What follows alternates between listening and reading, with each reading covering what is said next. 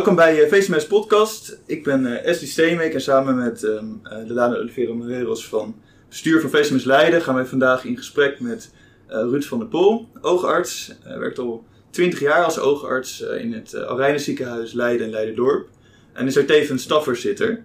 En daarnaast werkt hij bij onder andere iCare Foundation um, en gaat hij één en twee keer per jaar op missie naar ontwikkelingslanden om daar te opereren en adviezen te geven.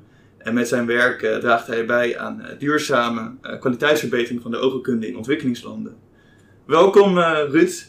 Laten we het algemeen beginnen. Van waar de keuze voor de oogkunde destijds? Allereerst dankjewel Ashley en Delano voor het interview. Ik vind het altijd erg leuk om mijn passie, wat toch mijn vak ook is, uit, uit te kunnen dragen.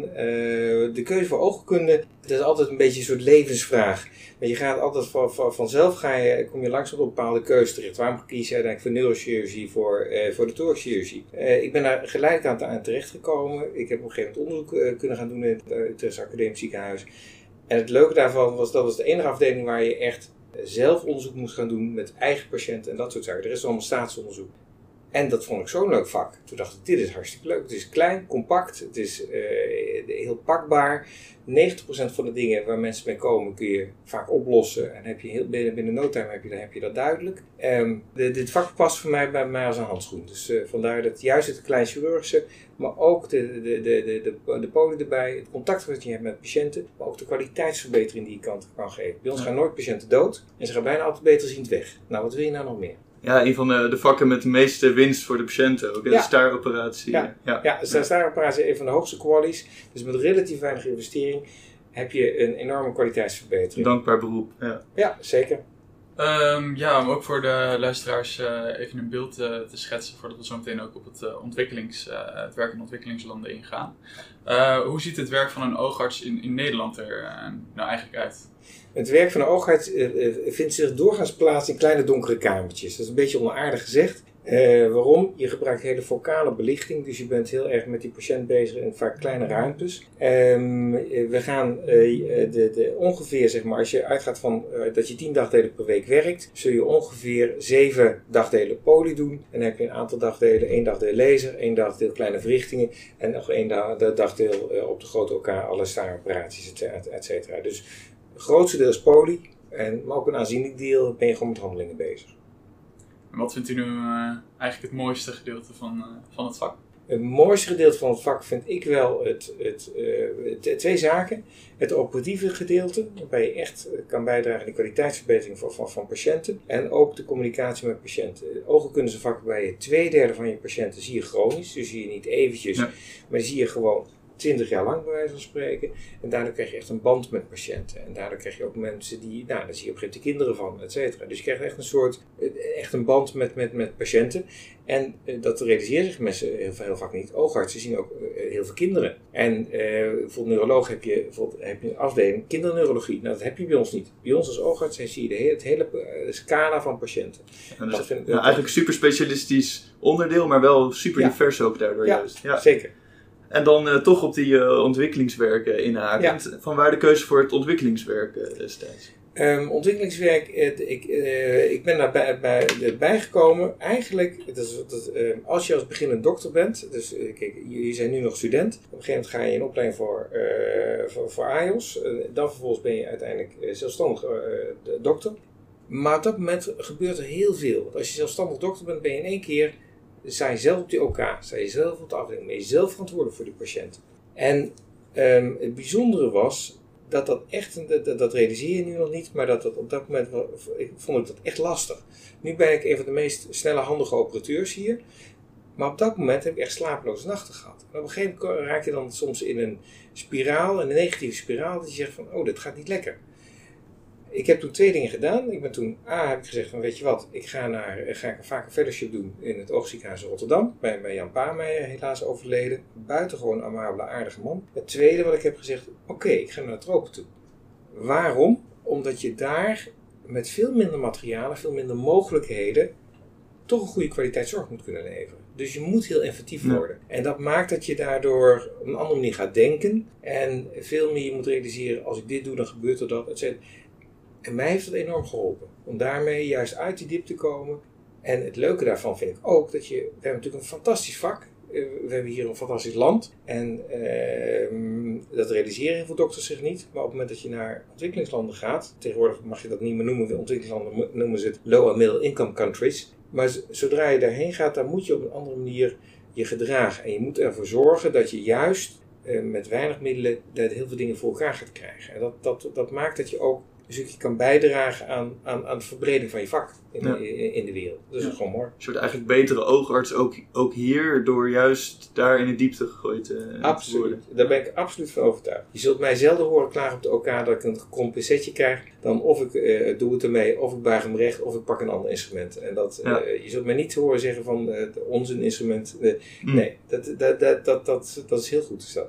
En eh, hoe was die transitie dan eh, voor u van eh, naar een best wel ver ontwikkeld land in Nederland, zeg maar, Ja. en dan naar, nou ja, toch nog ontwikkelingslanden? Hoe, hoe, was die transitie voor u? Ik, ik heb toen aansluiting gezocht bij, bij, bij, bij een stichting, Stichting naar Anderen Helpen. Eh, daar heb ik een goede leermeester mee gekregen. En die leermeester die heeft me heel veel dingen geleerd. En daar, daar, daar staat of valt het toch mee. Het is toch een, een, zeker zo'n chirurgisch vak. Dan, dan moet je gewoon een leermeester hebben die je daarin meeneemt. En dat is wel heel erg leuk om dat te zien. Dat, dat nou, Jan Paarmer het Oogziekenhuis, Volker Tegelberg bij deze stichting. En dat, dat, dat heb je toch nodig. Iemand die af en toe even die push geeft. En die gewoon zegt, hup, pak door, zit niet te zeuren. En dat, dat, dat, dat, dat werkt echt. Dat helpt heel veel. En wat was dan die allereerste ervaring met ontwikkelingswerk? De allereerste missie? Hoe, hoe was dat? Dat was heel bijzonder. Eh, dat, is, al- dat alweer 20 jaar geleden, dus ruim. Eh, naar Indonesië was dat, Medan, waar we een, een kleine praktijk, een operatiefaciliteit hadden in een bejaardencentrum. Ook heel bijzonder. En we kwamen daar aan, toen was het, oh ja, nou, maar we dachten dat jullie gisteren kwamen, dus er staan nog wat patiënten voor jullie vandaag op. Oké. Eh, nou, toen zijn we even een uurtje gaan slapen en zijn we gewoon, gewoon gaan opereren. En, het was wel, en, en juist ook daar de, eh, je, je wordt door het personeel daar op handen gedragen. Door de patiënten word je op handen gedragen daar. Ehm, en je kunt dus echt daar het verschil uitmaken voor die individuele patiënt. Voor de gezondheidszorg is iets anders. Daar komen we straks nog Ja. op de duurzame ontwikkeling. Maar het geeft een enorme kick om daar dan gewoon aan de slag te gaan. En dan daar, het- het- het- het- daar gewoon je- je goede werk goed te kunnen verrichten. Dat was ontzettend leuk. Hoe, hoe, zie- hoe ziet zo'n missie er dan uit? Eh, wat is de, hoe lang duurt dat? Wat is de weekbesteding? Ja, meestal ga je een week of eh, drie, eh, twee, drie weken. En de voorbereiding, die is het allerbelangrijkste. Dat je al je spullen mee hebt. Dat je ook zorgt dat je weet van oké, als we daar hebben, dan moeten we dat nog regelen, dat nog regelen, dat nog regelen. En die voorbereiding, dat, dat kost heel veel tijd en energie. Daar ter plekke is het vooral een beetje afhankelijk van de soort missie. In die tijd, 20 jaar geleden, was het zo dat, je, eh, dat er lokaal een aantal mensen waren die ervoor zorgden dat ze patiënten selecteerden. Zodat je daar kwam en die patiënten die eh, gingen dan in no time gingen die heel snel opereren. Dat, Ja. Dus was het echt gericht op dat opereren, eh, de, de, de- het hele opereren. Tegenwoordig is het veel minder opereren. En is het, nou, ik denk dat je misschien nog, nog, nog, nog twee dagdelen per week op de OK staat. Maar de rest is vooral opleiden, poli draaien, mee- mee- meekijken, jongens, hoe doen jullie je, je proces nou? En ook de medewerkers zijn opleiden. Dus het is een hele andere manier van, van werken geworden. Daar heb je minder dat wauw-gevoel als je in huis toe gaat. Want eh, dan heb je toch minder die hele scala aan patiënten die je hebt geopereerd.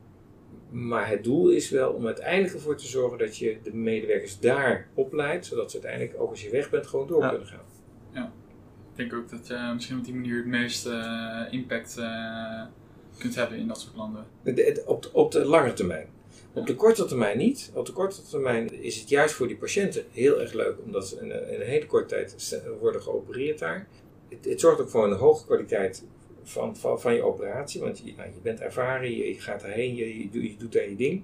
En, en, want heel veel mensen zijn eh, in ontwikkelingslanden, kijk, hier in Nederland gaan, gaan patiënten in vertrouwen naar de dokter toe. Dat is in ontwikkelingslanden vaak niet zo. Want er zijn heel veel minder goede dokters, kwakzalvers, et cetera. Betekent dat men daar echt met een stuk wantrouwen naar de dokter toe gaat. Dus je moet wel zorgen dat je een goede kwaliteit neerzet. Voor de korte termijn is zo'n witte dokter met zijn missie is, is hartstikke goed. Ja. Maar voor de lange termijn maakt hij juist dingen kapot. Want men gaat dus weer wachten tot die witte dokter weer een, Ja, ja. een jaar later weer terugkomt, et cetera. Want ik wacht wel tot die witte dokter er weer is. Nee, je moet juist zorgen dat mensen daar lokaal dat, dat oppakken. En dat, dat kunnen ze ook heel goed. En, ehm, alleen er zijn wel andere valkuilen die, waar, waar we het zo nog even moeten hebben. Want, want merk je dat wantrouwen ook echt bij de, bij de patiënten ook, ook, ook zelf? Of Ja. is dat vertrouwen er wel in, in Nederland? Het, het, het, het- grappige is dat, dat men letterlijk zegt: ja, jij, bent de, jij bent de witte dokter, dus jou vertrouw ik. Dat wordt letterlijk zo gezegd. Dus ehm, dat zou hier gelden als discriminatie. ja. Daar eh, zegt men het gewoon letterlijk. De- Dus je moet werken juist aan het vertrouwen, ook dat men daar in de lokale gezondheidszorg moet gaan krijgen. En dat, dat betekent een, een, een, met proberen te, te tillen aan een hoger niveau. Eh, hoe reageren de artsen daar, zeg maar, eh, Heel als je die punt. kant op eh, Ja. komt? Eh, de, de, de, de- eh, in die periode, eh, de- dus pakweg 20 jaar geleden, merk je dat er echt wel een concurrentie was naar lokale dok- dokters. In, bijvoorbeeld in Indonesië heb je de Prembatan, dat is de lokale wetenschappelijke vereniging van oogartsen. Die waren echt wel daar eh, eh, af en toe heel kritisch dat wij daar waren. En, en hebben ook zeker, weet ik, op hoog politiek niveau ook af en toe geprobeerd missies te, te blokkeren. Je deed het toen ook nog op, eh, je, doet het ook nou inmiddels ook op toeristenvisum natuurlijk. Dat is natuurlijk niet helemaal zoals het hoort, zeg maar, want eigenlijk ga je er werken. Dus die waren er echt heel kritisch op en ook wat, wat nou, ook, lastig in. Je merkt dat dan ook dat langzaam nu aan het kantelen is, dat ze zien dat ze zelf een stukje voordeel bij kunnen behalen, dat hun kwaliteit omhoog kan gaan. En het maakt het natuurlijk wel iets makkelijker als je daar niet gaat opereren, maar vooral onderwijs gaat geven. Ook in het toestaan van het werken daar en allemaal dat soort zaken. Dus het, ma- het zorgt er ook voor dat je wel wat meer welkom Ja. bent eigenlijk. Toen was je vooral welkom door de patiënten en dan wordt het aantal zorgmedewerkers. Maar de lokale dokters die waren niet, niet zo blij met je. En tegenwoordig zie je dat het echt aan het kantelen is. Goede ontwikkeling lijkt me. Ja. Ja, dat lijkt me inderdaad een hele eh, goede eh, transitie. Ja. Eh, wat wij ons ook nog afvroegen is, eh, zijn er nou risico's verbonden aan zo'n eh, aan zo'n missie? Altijd, maar het belangrijkste risico bij, bij zo'n missie is eigenlijk wat je gewoon als toerist daar ook loopt. Heel simpel dat je een verkeersongeval krijgt of dat je een vervelende infectie oploopt. Dat, dat, de, dat is niet anders dan, dan voor normale zeg maar, toeristen daar. Dus dat is eigenlijk het belangrijkste risico. Je hebt wel risico's daar, dat je inderdaad of daar eh, afgebrand wordt, of dat er, eh, dat, dat, dat er mensen niet aardig zijn, of dat je inderdaad in het ergste geval eh, niet mag opereren, et cetera. Dat, dat kan gebeuren. Eigenlijk zijn de risico's heel beperkt. Bijvoorbeeld, de, vorig jaar ging, ging Tanzania in. En in Tanzania is het zo dat je al je koffers moet je door de scanner halen voordat je het land in mag. Dus niet voordat je het vliegen kan, maar voordat je het land- het land in mag. En eh, nou, dat zijn natuurlijk allemaal instrumentarium wat ze zeggen, hé, maar wat, wat, is dat nou? nou dat is, vergt wel een zekere mate van dat je dan met die beambtes rustig gaat uitleggen, dingen gaat vertellen, zodat die rij die achter die scanner loopt steeds langer wordt. Dat ze ook daar de druk weer langzaam voelen. En op een gegeven moment denk ik, oh, oké, is goed, ga, ga maar. ja. Dus het is, dat, het, is ook, het is ook een soort soms toneelspel, waar we, eh, een beetje toneelspel wat je moet doen. Maar in het ergste geval kan het zijn dat ze zeggen, ik lever maar in, of dat je daarvoor moet betalen, of et cetera. Dus het, het vergt wel een bepaalde ondernemingsgeest om daarheen te gaan. Het is, het is niet voor de, de, de dokter die hier alleen met zijn spreekkamer zit, een beetje spreken wil, wil doen en, en snel ontregeld raakt door andere zaken. Minder kaders, hè. Het is, eh, Het, ja, het is ja. veel minder kamer. Zeker. Ik kan me ook voorstellen dat eh, zo'n missie zeg maar een bepaald soort kick geeft. Ja. Heeft hij dan na een bepaalde periode weer thuis te zitten ook een soort van drang om weer ja, op reis te gaan, op missie te gaan, bijvoorbeeld? Ja, ehm, kijk, die, kick was destijds vooral omdat je heel veel mensen opereerde. Tegenwoordig is die kick wel minder omdat je echt aan het opleiden bent en et cetera. Maar het is wel heel leuk om steeds die projecten te zien ontwikkelen. Dus ik heb zeker eh, na, een aantal maanden dat ik van, oh, nou, ik wil weer eens een keer op pad en weer eens een keer wat, wat ondernemen. En dat heeft ook vooral te maken met het feit dat je buiten die kaders kan denken. En dat je juist weer een stukje avontuur opzoekt. En dat voor mij is die spreekkamer, waar, waar ik heel graag zit, eh, maar is uiteindelijk te beperkt zeg maar, om daar eh, altijd te zitten. Ik kan me ook voorstellen dat een bepaalde reset of zo, want daar ben je natuurlijk minder bereikbaar. Dus hier Ja. lopen, ja, als, als stafvoorzitter ben je natuurlijk Ja. hartstikke druk met van alles. En dat het dan toch even gewoon een soort van reset is waar je even niet bereikbaar bent en even met iets echt belangrijks bezig bent. En Zeker. dan weer met een fris, eh, fris hier weer kan beginnen als je terug bent. Zeker, het maakt, het, het, maakt het, het werken en het leven hier een stuk relatiever. Ja. Eh, Dat je dan zegt, jongens, wat hebben we het hier toch fantastisch geregeld. Wat is het toch fijn dat we dat tangetje hebben, dat pincetje. En, gewoon als we, en we kunnen even een emerietje aanvragen en et cetera. Dat heb je daar vaak gewoon niet. Je zit in een ziekenhuis en dan kun je, je kunt eh, bezinking aanvragen. eh, Je kunt een, een malaria-test aanvragen en een HIV-test. En een suikertje, sorry. En dan, dan heb je het. Ja, dat is ja. het dan. En dan heb je dus geen scanners staan. Geen, ze hebben nog een röntgen, auto röntgenapparaat ergens in de hoek staan. Dat is het dan. En op die manier werken is natuurlijk een hele andere manier van werken dan wat we hier hebben. Ik denk ook dat eh, die gedachtegang buiten kaders denken eh, ontzettend belangrijk is. En ik vroeg me dan Ja. eigenlijk ook, wel af of u dit uh, ook eigenlijk voor iedereen zou aanraden. Dus jonge dokters die uh, meer ervaring willen opdoen. Uh, zou je dit voor veel mensen aanraden of is Nee. het echt voor... Helemaal eens dat je het helpt buiten kaders te denken. Maar ik denk dat je qua persoonlijkheid er wel blij van moet worden. En eh, als ik kijk naar mijn vrouw, mijn vrouw is in- internist infectioloog hier in het, zie- in het ziekenhuis. Heb ik al vaak gevraagd, joh, kom dan mee. Als er iets is, je kan daar waanzinnig veel werk doen. Ja, maar dan heb ik niet mijn bed en ik kan niet dat aanvragen. En, kan, en eh, ja, misschien niet antibiotica. Als je daar ongelukkig van wordt, als je dat niet hebt, ja, dan moet je het niet doen. Terwijl ik denk dat je juist daar een veel groter verschil kan uitmaken dan dat je hier dat kan met al je dure eh, apparatuur. Omdat je natuurlijk veel meer gezondheidswinst te behalen hebt daar in die landen. Dus ik, ik, ik zou het iedereen aanraden om te overwegen, om er zeker over na te denken, om dat buiten kaders te, te, te, te- te gaan denken. Maar ik denk niet dat het voor iedereen geschikt is. Dus dat, ik denk dat dat niet, niet handig is. Dus dat, maar oké, dat, is, dat moet iedereen voor zichzelf wat voor persoonseigenschappen passen er bij, bij het werk? Het, nou, dat, dat buiten kaders kunnen blijven denken. Het, het, het glas eerder half vol dan half leeg te zien. Ehm, Positief denken, ja. Ja, heel positief denken. Ehm, niet snel ontregeld raken als, als bepaalde dingen doorgaan. Of dat, ik, ik maakte een overstap in Kenia en al mijn koffers waren weg. Eh, die komen dan later aan in Tanzania. Moesten gewoon op een lokale bus worden gezet. En, en, en dat je daar toch wat dan mee weet om te gaan. Dus je moet wel creatief erin kunnen zijn. Ja. Mij helpt het heel erg om die creativiteit daarin te ontwikkelen. Dus ik vind dat Leuk, ja. Nou, we zijn natuurlijk een, een chirurgische vereniging ook als Ja. VCMS. Dus eh, nou, we zijn ook wel benieuwd, gewoon chirurgisch technisch. We hebben het er al kort over gehad. Je hebt minder middelen, je moet ermee leren omgaan. Eh, maar hoe is het, hoe, wat voor operaties doe je, eh, hoe, hoe ga je met die, met die beperkte middelen om? Hoe, hoe verandert dat het, het, het opereren? eh, eh, de, de, de belangrijkste operaties die daar zijn, als oogarts zijn cataract- en glaucoma-operaties. Het grote verschil is, is dat je bijvoorbeeld hier in Nederland heb je een hele goede microscoop staan. Je hebt een eh, apparaat staan waardoor je door een, een small incision, door een, een, kleine incisie van iets meer dan 2 mm kun je opereren. Dat kan daar niet. Ehm, die apparatuur die is onderhoudsgevoelig, die eh, gaat kapot daar. eh, je hebt alle disposables nodig. Die heeft men daar niet of men heeft het geld er niet voor. En daarnaast is het ook zo dat de staar die je aantreft, die is veel harder en veel moeilijker te verwijderen. Dus dat doe je op een andere manier, echt een ouder, ouderwetsere techniek. De small incision cataract surgery. En dat is een techniek die, eh, die, die moet, je, moet je ook leren. Maar die is technisch moeilijker dan die hele gereguleerde techniek die we hier gebruiken. Dus je moet met minder middelen een lastigere operatie doen. En, en dat is het leuke daarvan, dat je dus, als je daar ervaren in wordt, dan kan dat ook. En dan kun je met een, een, een buikmes 15 kun je een, een, een staaroperatie doen.